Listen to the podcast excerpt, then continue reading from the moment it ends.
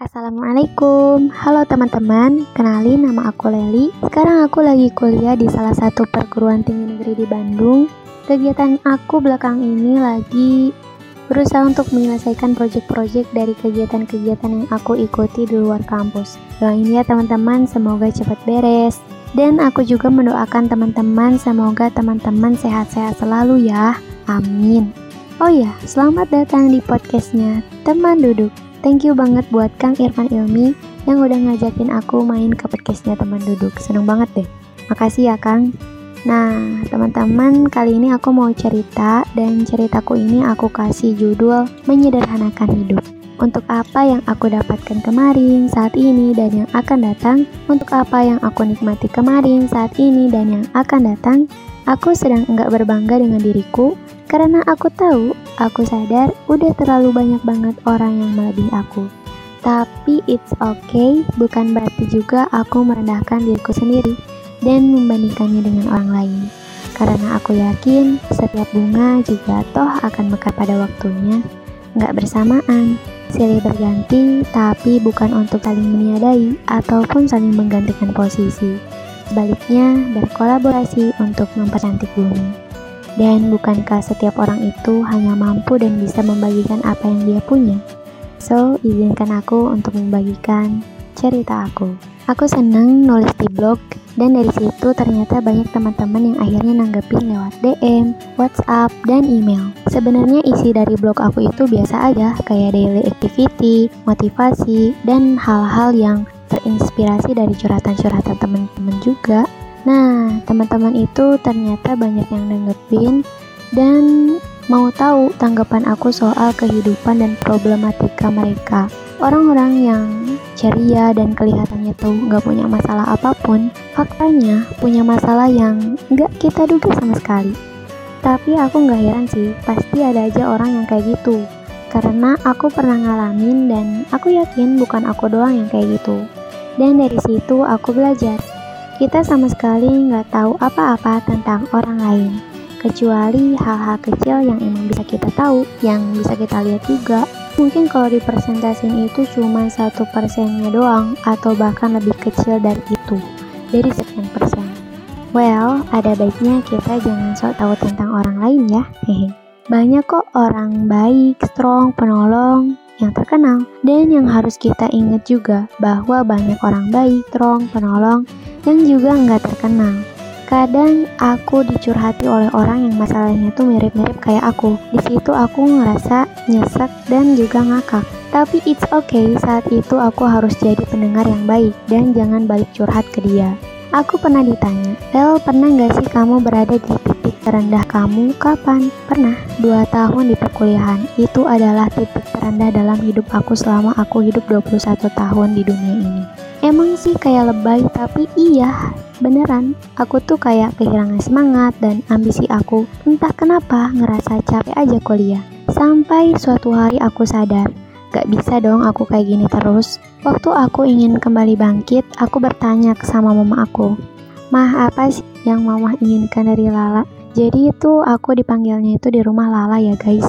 Terus mama aku jawab, Mama ingin Lala itu kayak waktu SMP dan SMA yang selalu semangat, ceria, belajar, dan berprestasi. Ya, bukan aku doang ternyata yang merasa diri aku ini gak ada progres, tapi ternyata mama aku juga yang baru aku tahu ketika aku ketika aku nangis. Di situ aku nangis dan minta maaf. Aku sadar semua ini tuh nggak lepas dari dosa-dosa aku yang mungkin aja nggak disadari dan nggak segera diinsyafi dari dengan serius. Aku pernah ngalami yang namanya smart shaming waktu SMP. Gara-gara waktu itu aku pernah gak sengaja ngajarin grammar ke teman-teman di depan kelas waktu guru lagi rapat. Karena waktu itu banyak banget yang mampir ke bangku aku dan minta untuk diajarin. Akhirnya aku berinisiatif ngajarin mereka di depan kelas di papan tulis. Tujuannya sih biar nggak ribet ngajarin satu-satu gitu. Tapi ternyata ada beberapa orang yang enggak suka dan menggunjing aku, bilang kalau aku itu so cantik, so pinter, so piga, dan lain sebagainya. Awalnya sih aku biasa aja ya, bahkan cenderung enggak peduli. Toh banyak juga orang yang butuh dan belain. Niat aku juga pingin nolong mereka doang gitu. Dan aku sadar sih, aku tuh orangnya ambisius, pakai banget. Niat aku sih bukan untuk mengalahkan orang lain ya, karena aku merasa aku mencintai dan butuh ilmu itu. Dan yang paling penting sih aku ingin selalu ngebahagiain mama aku gitu Yang waktu itu tuh lagi sakit Dengan harapan kalau misalnya aku jadi anak yang rajin, anak yang berprestasi Bisa sedikit mengobati rasa sakit mama aku waktu itu Tapi celakanya nih, semakin ke sini semakin naik jenjang aku Aku semakin ngerasa bahwa perspektif orang-orang tentang kata ambisius itu negatif dan jelek banget Sampai pada akhirnya aku jadi males belajar dan puncaknya itu ya waktu perkuliahan. Apakah ini salah mereka? Enggak. Ini salah diri aku sendiri yang malah ngebuka diri ngedengerin apa kata orang gitu. Balik lagi ke waktu aku lagi sadar-sadarnya sama semua kesampahan dan kemubaziran yang udah aku lakukan selama 2 tahun. Mumpung lagi sadar, aku harus segera tobat. Aku lihat event-event kemahasiswaan di IG dan mulai nanya-nanya sama teman-teman kegiatan-kegiatan apa aja yang pernah dan atau akan mereka ikuti. Akhir 2019 adalah titik kebangkitan aku. aku daftar ini tuh bikin schedule supaya program aku yang ikut yang aku ikut itu gak tabrakan dan pokoknya aku berambisi besar supaya setiap kegiatan itu aku bisa lolos seleksi. Untungnya aku bersyukur banget banyak orang-orang suportif di sekeliling aku yang ngasih saran-saran, masukan-masukannya. Aku daftar Sosmaskem UGM, UKN, SSC, LMD, Relawan Salman, dan beberapa kegiatan-kegiatan lainnya. Tentu banyak banget hal-hal luar biasa yang aku dapatkan. Dan yang paling aku ingat adalah pematerian SSC yang disampaikan oleh Prof. Hermansyah. Beliau bilang, Indonesia itu nggak kekurangan pemuda pintar, tapi kekurangan pemuda yang ambisius. Di situ aku ngerasa jelek dan nangis. Aku nyesel udah ngikis ke ambisiusanku pelan-pelan selama ini. Tapi di samping lain aku juga bersyukur karena Allah sudah menyadarkan aku. Hal-hal yang kurang aku bilang sih sama diri aku, mari kita perbaiki sama-sama. Dari kegiatan-kegiatan yang udah pernah aku ikutin tadi, ada satu kegiatan yang nguras tenaga, pikiran, waktu, dan uang yang banyak. Kegiatan itu adalah You Can Empower for Nation 6 di Sabang. Jadi ini adalah kegiatan pengabdian yang diadakan oleh lembaga non-formal You Can. Hayo, pasti teman-teman udah ada yang pernah dengar kan? Jadi kegiatan ini tuh berlangsung selama 7 hari yaitu pada tanggal 10 sampai 16 Februari 2020. Waktu dapat email dari UCAN tentang kelolosan aku, aku merasa senang, tapi aku sedikit sedih juga sih. Karena teman aku belum ada rezekinya untuk mengikuti kegiatan ini. Tapi nggak apa-apa, aku tetap harus melanjutkan perjuangan aku. Aku buru-buru bikin proposal dan minta bantuan sama Kang Irfan Ilmi gimana caranya buat proposal sponsor yang baik. Thank you banget ya Kang, udah banyak bantu aku dan udah banyak direpotin sama aku. Setelah selesai bikin proposal sponsor, aku sebar deh ke alumni yang punya usaha, ke lembaga, dan lain sebagainya. Untuk cetak proposal dan biaya ngegojek itu lumayan ya guys. Aku pakai sisa-sisa uang beasiswa PPA aku. Untungnya masih ada karena aku waktu itu nggak berani minta uang lebih ke mama dan papa soalnya waktu itu baru bayar UKT. Manis, pahit, asam, garam, panas, hujan di ACC ditolak. Udah aku rasain semua. Capek sih, tapi rasanya seneng banget bisa berjuang untuk sesuatu yang udah lama banget diimpikan. Jadi, kenapa aku tertarik untuk terjun ke dunia kerelawanan atau hal-hal yang berbau sosial? Karena itu adalah salah satu impian aku waktu aku masih SD atau SMP. Waktu itu aku senang banget lihat programnya Trans 7 atau Trans TV, aku lupa. Kalau nggak salah berarti benar judulnya itu Orang Pinggiran. Yang lagunya tuh Lihatlah dan bukalah mata hatimu Melihatnya lemah terluka namun semangatnya takkan pernah pudar. Hingga Tuhan kan berikan jalan. Nah, nah, nah. Maaf, malah nyanyi. Jadi aku suka banget sama lirik lagunya. Kayak punya makna yang dalam banget dan kayak nyampein pesan. Mereka aja yang dikasih ujian serba sulit sama Tuhan gak ngeluh dan gak fokus sama keterbatasan yang ada yang mereka selalu sibukin adalah kerja, kerja, dan kerja. Pesan moral yang aku dapetin adalah kalau kita mau nolong orang lain ya tolong aja, gak usah review dan sok tahu sama kehidupan orang lain. Apalagi sampai judge kalau mereka itu pemalas. Gak usah ditolong lah, toh mereka susah karena kemalasan mereka ini. Lah, faktanya mereka itu pergi pagi buta dan pulang saat langit gelap gulita. Terus kita masih tega bilang kalau mereka itu pemalas. Mereka itu rajin loh, tapi emang ada hal-hal yang di luar kendali diri mereka dan di luar kemampuan mereka gitu. Balik lagi ke acaranya orang pinggiran. By the way, aku suka banget sama kakak relawan yang pakai seragam transkop. Dan waktu itu aku bilang suatu saat nanti aku pasti akan seperti kakak-kakak itu menjenguk saudara-saudara aku di pelosok negeri. Hari itu adalah hari di mana aku tuh kayak berada di ujung tanduk banget. Aku di WhatsApp sama tim Yuken, intinya sih mereka minta ketegasan dari aku, mau ikut apa enggak. Dan hari itu aku dikasih waktu sampai jam 8 malam. Kalau enggak atau belum bayar, ya udah, end, gak bisa ikut. Di satu sisi aku paham, di sisi lain aku sakit hati. aku ya, aku paham sih karena mereka juga harus mempersiapkan banyak hal kan. Sementara orang lain tuh kan udah masuk grup beberapa bulan yang lalu dan aku tuh hamin tujuh keberangkatan masih belum bayar juga, masih tahap konfirmasi sponsor. Hari itu saat aku sedang berjuang, banyak banget suara penghakiman dalam diri yang menggaung berkali-kali. Suara-suara itu kayak bilang, udahlah, mana mungkin kamu bisa berangkat, jam 8 itu bentar lagi. Udahlah nanti aja lagi berjuangnya, masih ada kok kesempatan lain. Hmm, tapi di waktu yang sama rasa cinta, percaya, kepada diri sendiri, keinginan yang kuat, yakin sama kuasa Allah itu speak louder than anything, mengalahkan segala rasa ketidakmungkinan. Aku bicara sama diri aku yang saat itu sedang nangis, dirundung rasa ketidakpastian gitu ya, sponsor mau ngasih apa enggak. Terus sejenak aku menjernihkan pikiran dulu, flashback ke masa lalu. Aku nanya ke diri aku, Lel, kapan sih Allah itu nggak kabulin doa-doa kamu? Rasanya tuh nggak pernah deh. Kapan kamu gagal? Kapan kamu berhasil? Coba ingat-ingat. Formula keberhasilan itu ketika kamu ikhtiar sekeras-kerasnya, berdoa seyakin-yakinnya, dan kamu menikmati setiap prosesnya. Kalau nggak ada satu hal aja dari tiga tadi, perjuangan kamu selalu gagal. Kata Ustadz Salim Afila, kita belajar dari Bunda Hajar bahwa makna kerja keras itu adalah menunjukkan kesungguhan kita sama Allah. Aku coba ingat kata-katanya teman aku, Lel, Allah itu suka banget loh orang yang antusias. Halalkanlah segala cara yang halal. Kalau kamu udah pantas berangkat, pasti Allah berangkatin. Terus aku juga kayak dapat suntikan semangat lagi untuk terus berjuang. Kamu ragu dengan kuasa aku, ayah hambaku. Kayak ada yang bilang kayak gitu, rasanya tuh malu banget. Dan sedikit pun aku gak pantas mengecilkan kekuasaan Allah. Dari situ muncul harapan baru, aku hapus air mata aku, mulai merasa semangat lagi, antusias lagi, dan aku kubur dalam-dalam rasa ketidakmungkinan itu. Gak ada yang gak mungkin bagi Allah, Tuhan yang sudah memperjalankan Rasulullah Shallallahu Alaihi Wasallam dari bumi menuju Sidratul Muntaha, kembali lagi ke bumi hanya dalam waktu satu malam saja. Aku bilang sih sama diri aku, ayo, kamu pasti bisa, ayo sama-sama kita berjuang. Yuk, aku temani.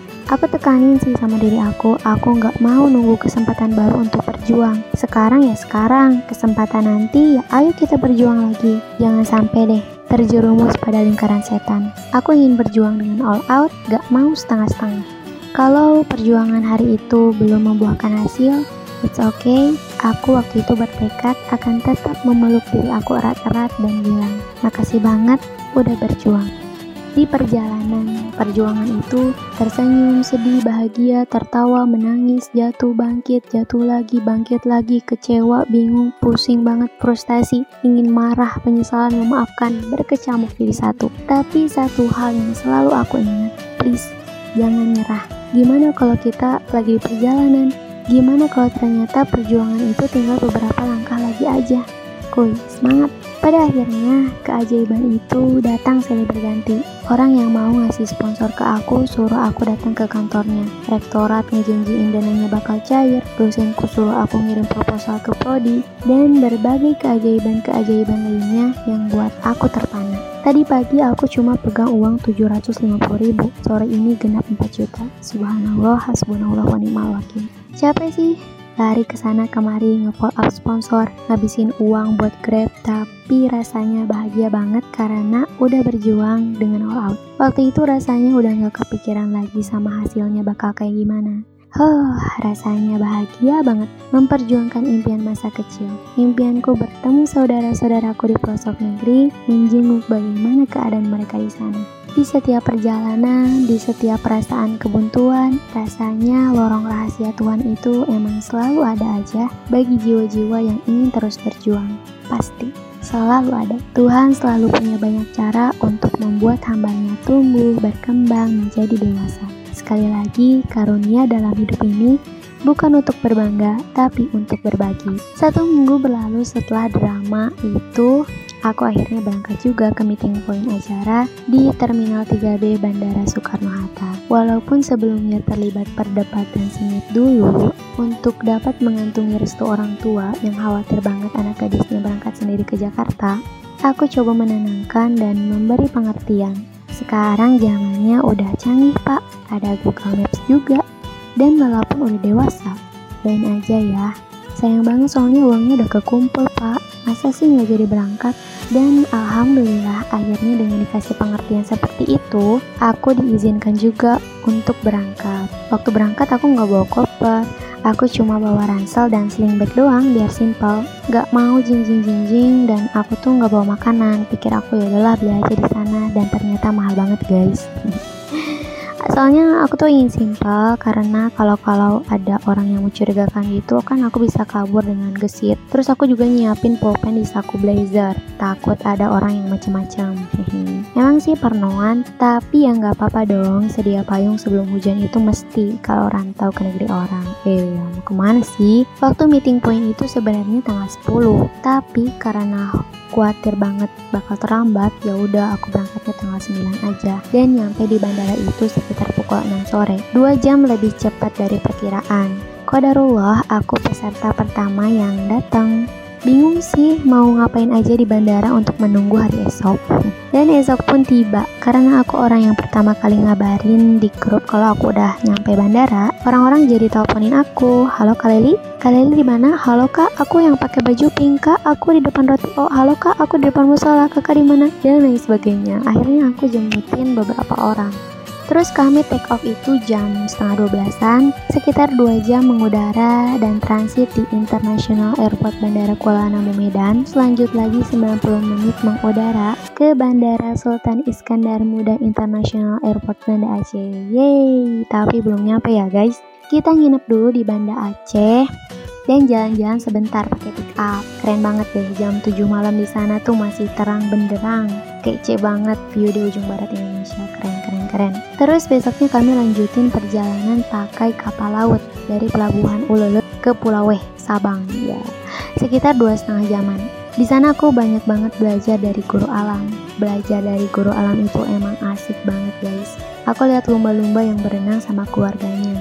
Aku senang banget sekaligus pilu Keingetan gimana ya rasanya jadi lumba-lumba yang diculik, terpisah dari keluarganya, hidup di kolam yang sempit, penuh zat kimia, beratraksi dengan perut lapar, dikurung di kota kecil seukuran tubuhnya, berkeliling kota untuk beratraksi mengundang tawa manusia. Hmm, menyedihkan banget. Selama ini aku nggak pernah sih melihat pertunjukan lumba-lumba itu, karena aku pikir itu eksploitasi berkedok edukasi.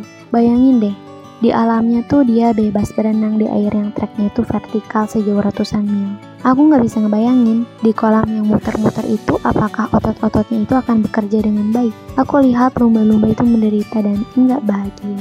Jadi yuk stop deh nonton atraksi lumba-lumba berkodok edukasi kayak gitu. Kalau kita nggak mau, akan ada banyak lumba-lumba lagi yang menderita. Di sini aku belajar dari guru alam, mari kita menyederhanakan kehidupan dengan bahagia tanpa menyakiti.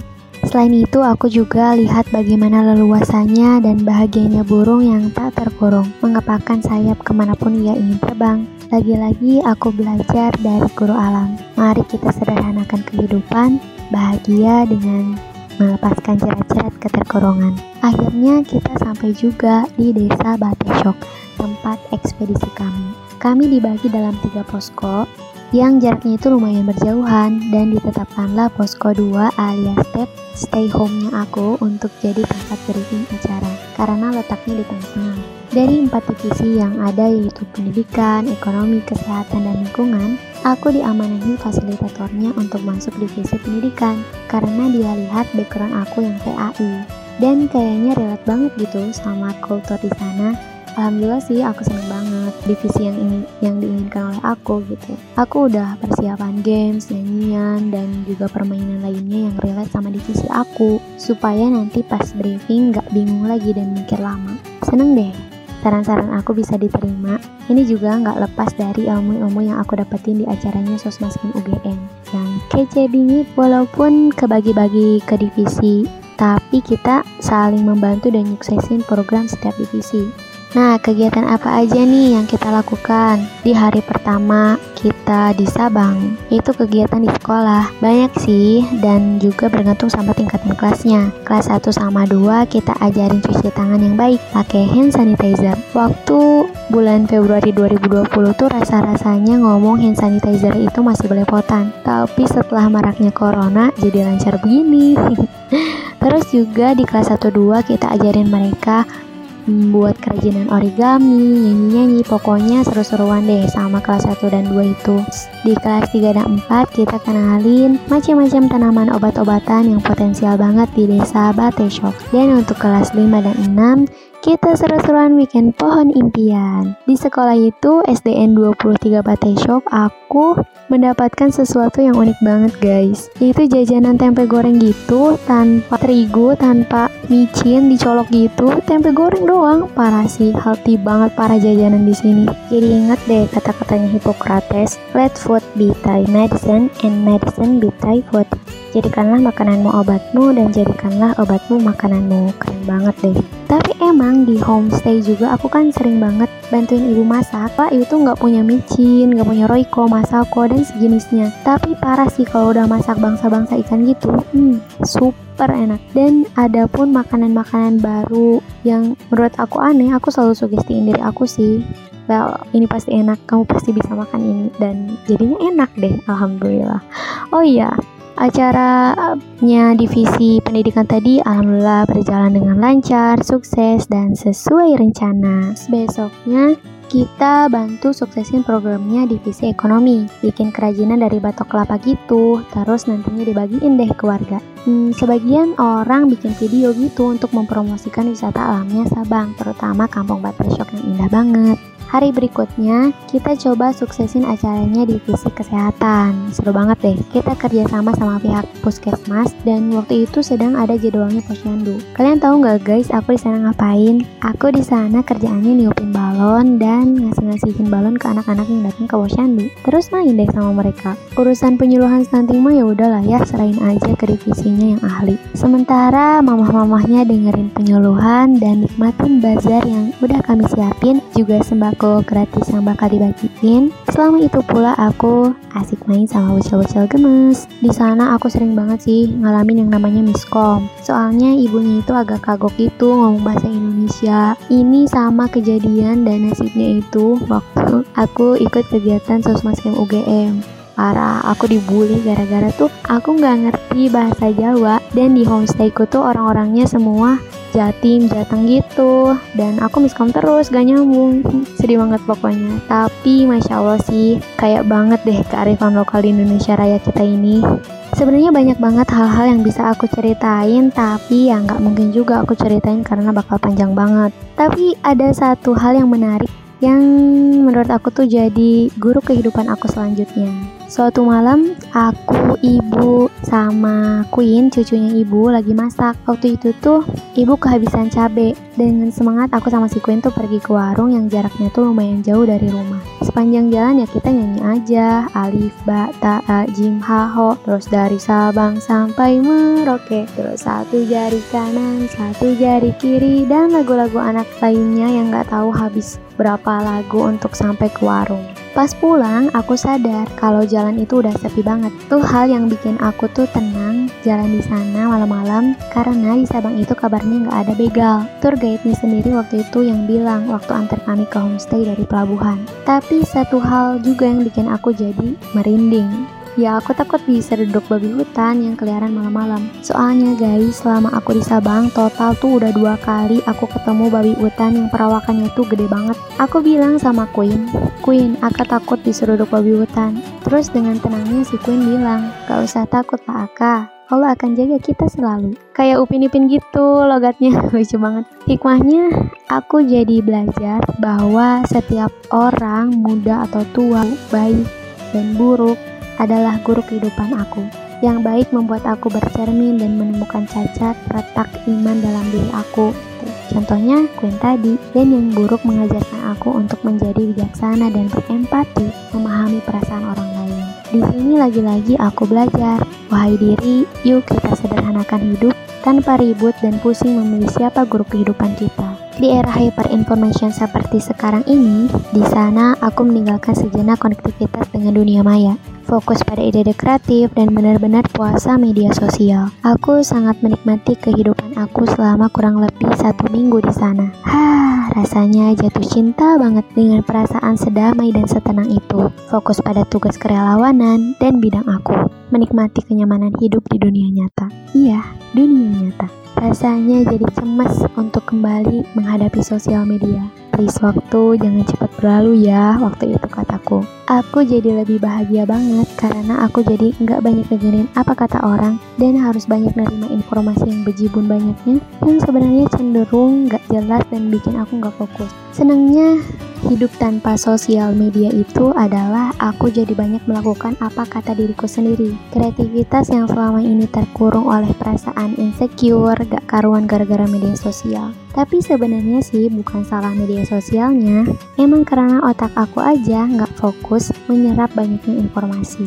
Dari sini lagi-lagi aku belajar, wahai diri, yuk sederhanakan hidup dengan tetap mendengar tanpa harus mengabaikan apa kata diri sendiri. Di tengah masifnya efek sosial media, jadi rindu juga sosok-sosok seperti Uwais Al-Qarni. Biar enggak terkenal di bumi, tapi namanya semerbak harum dan tersohor bagi para penduduk langit. Apa sih yang hendak kita banggakan di dunia ini? Toh kita tahu bahwa kita ini adalah calon mayat, jadi nggak boleh nilai terkenal. Nggak gitu.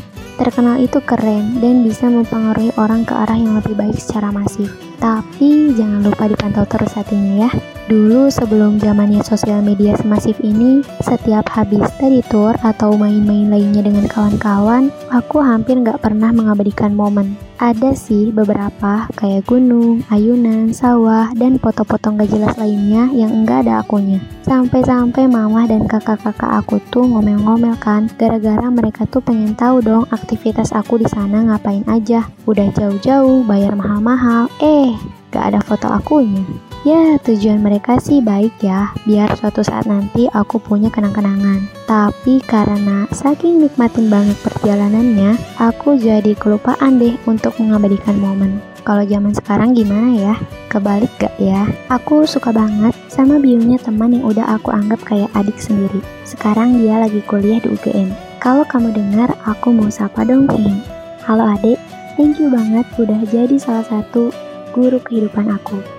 Aku suka banget sama bio IG kamu. I'm collecting memories, not photos. Sekarang itu banyak banget orang yang sibuk mengabadikan momen, tapi lupa untuk menikmati momen itu sendiri. Bener nggak ya? Jawabannya pastinya ada di diri kita masing-masing deh ya. Aku jadi merefleksi diri beberapa tahun belakang ini. Aku tuh jadi mudah lupa gitu. Apa karena terlalu sibuk mengabadikan momen ya? Yang bikin momen itu nggak berkesan karena nggak dinikmati. Well, sesuatu yang gak berkesan itu jadi mudah dilupakan kan? Aku gak tahu sih ya, apa makna dari tulisan I'm collecting memories but not photos bagi yang nulisnya sendiri. Tapi buat aku punya makna yang dalam. Dari situ aku jadi menginterpretasi sesuatu bahwa gak salah untuk mengabaikan momen itu, tapi jangan lupa untuk menikmatinya ya.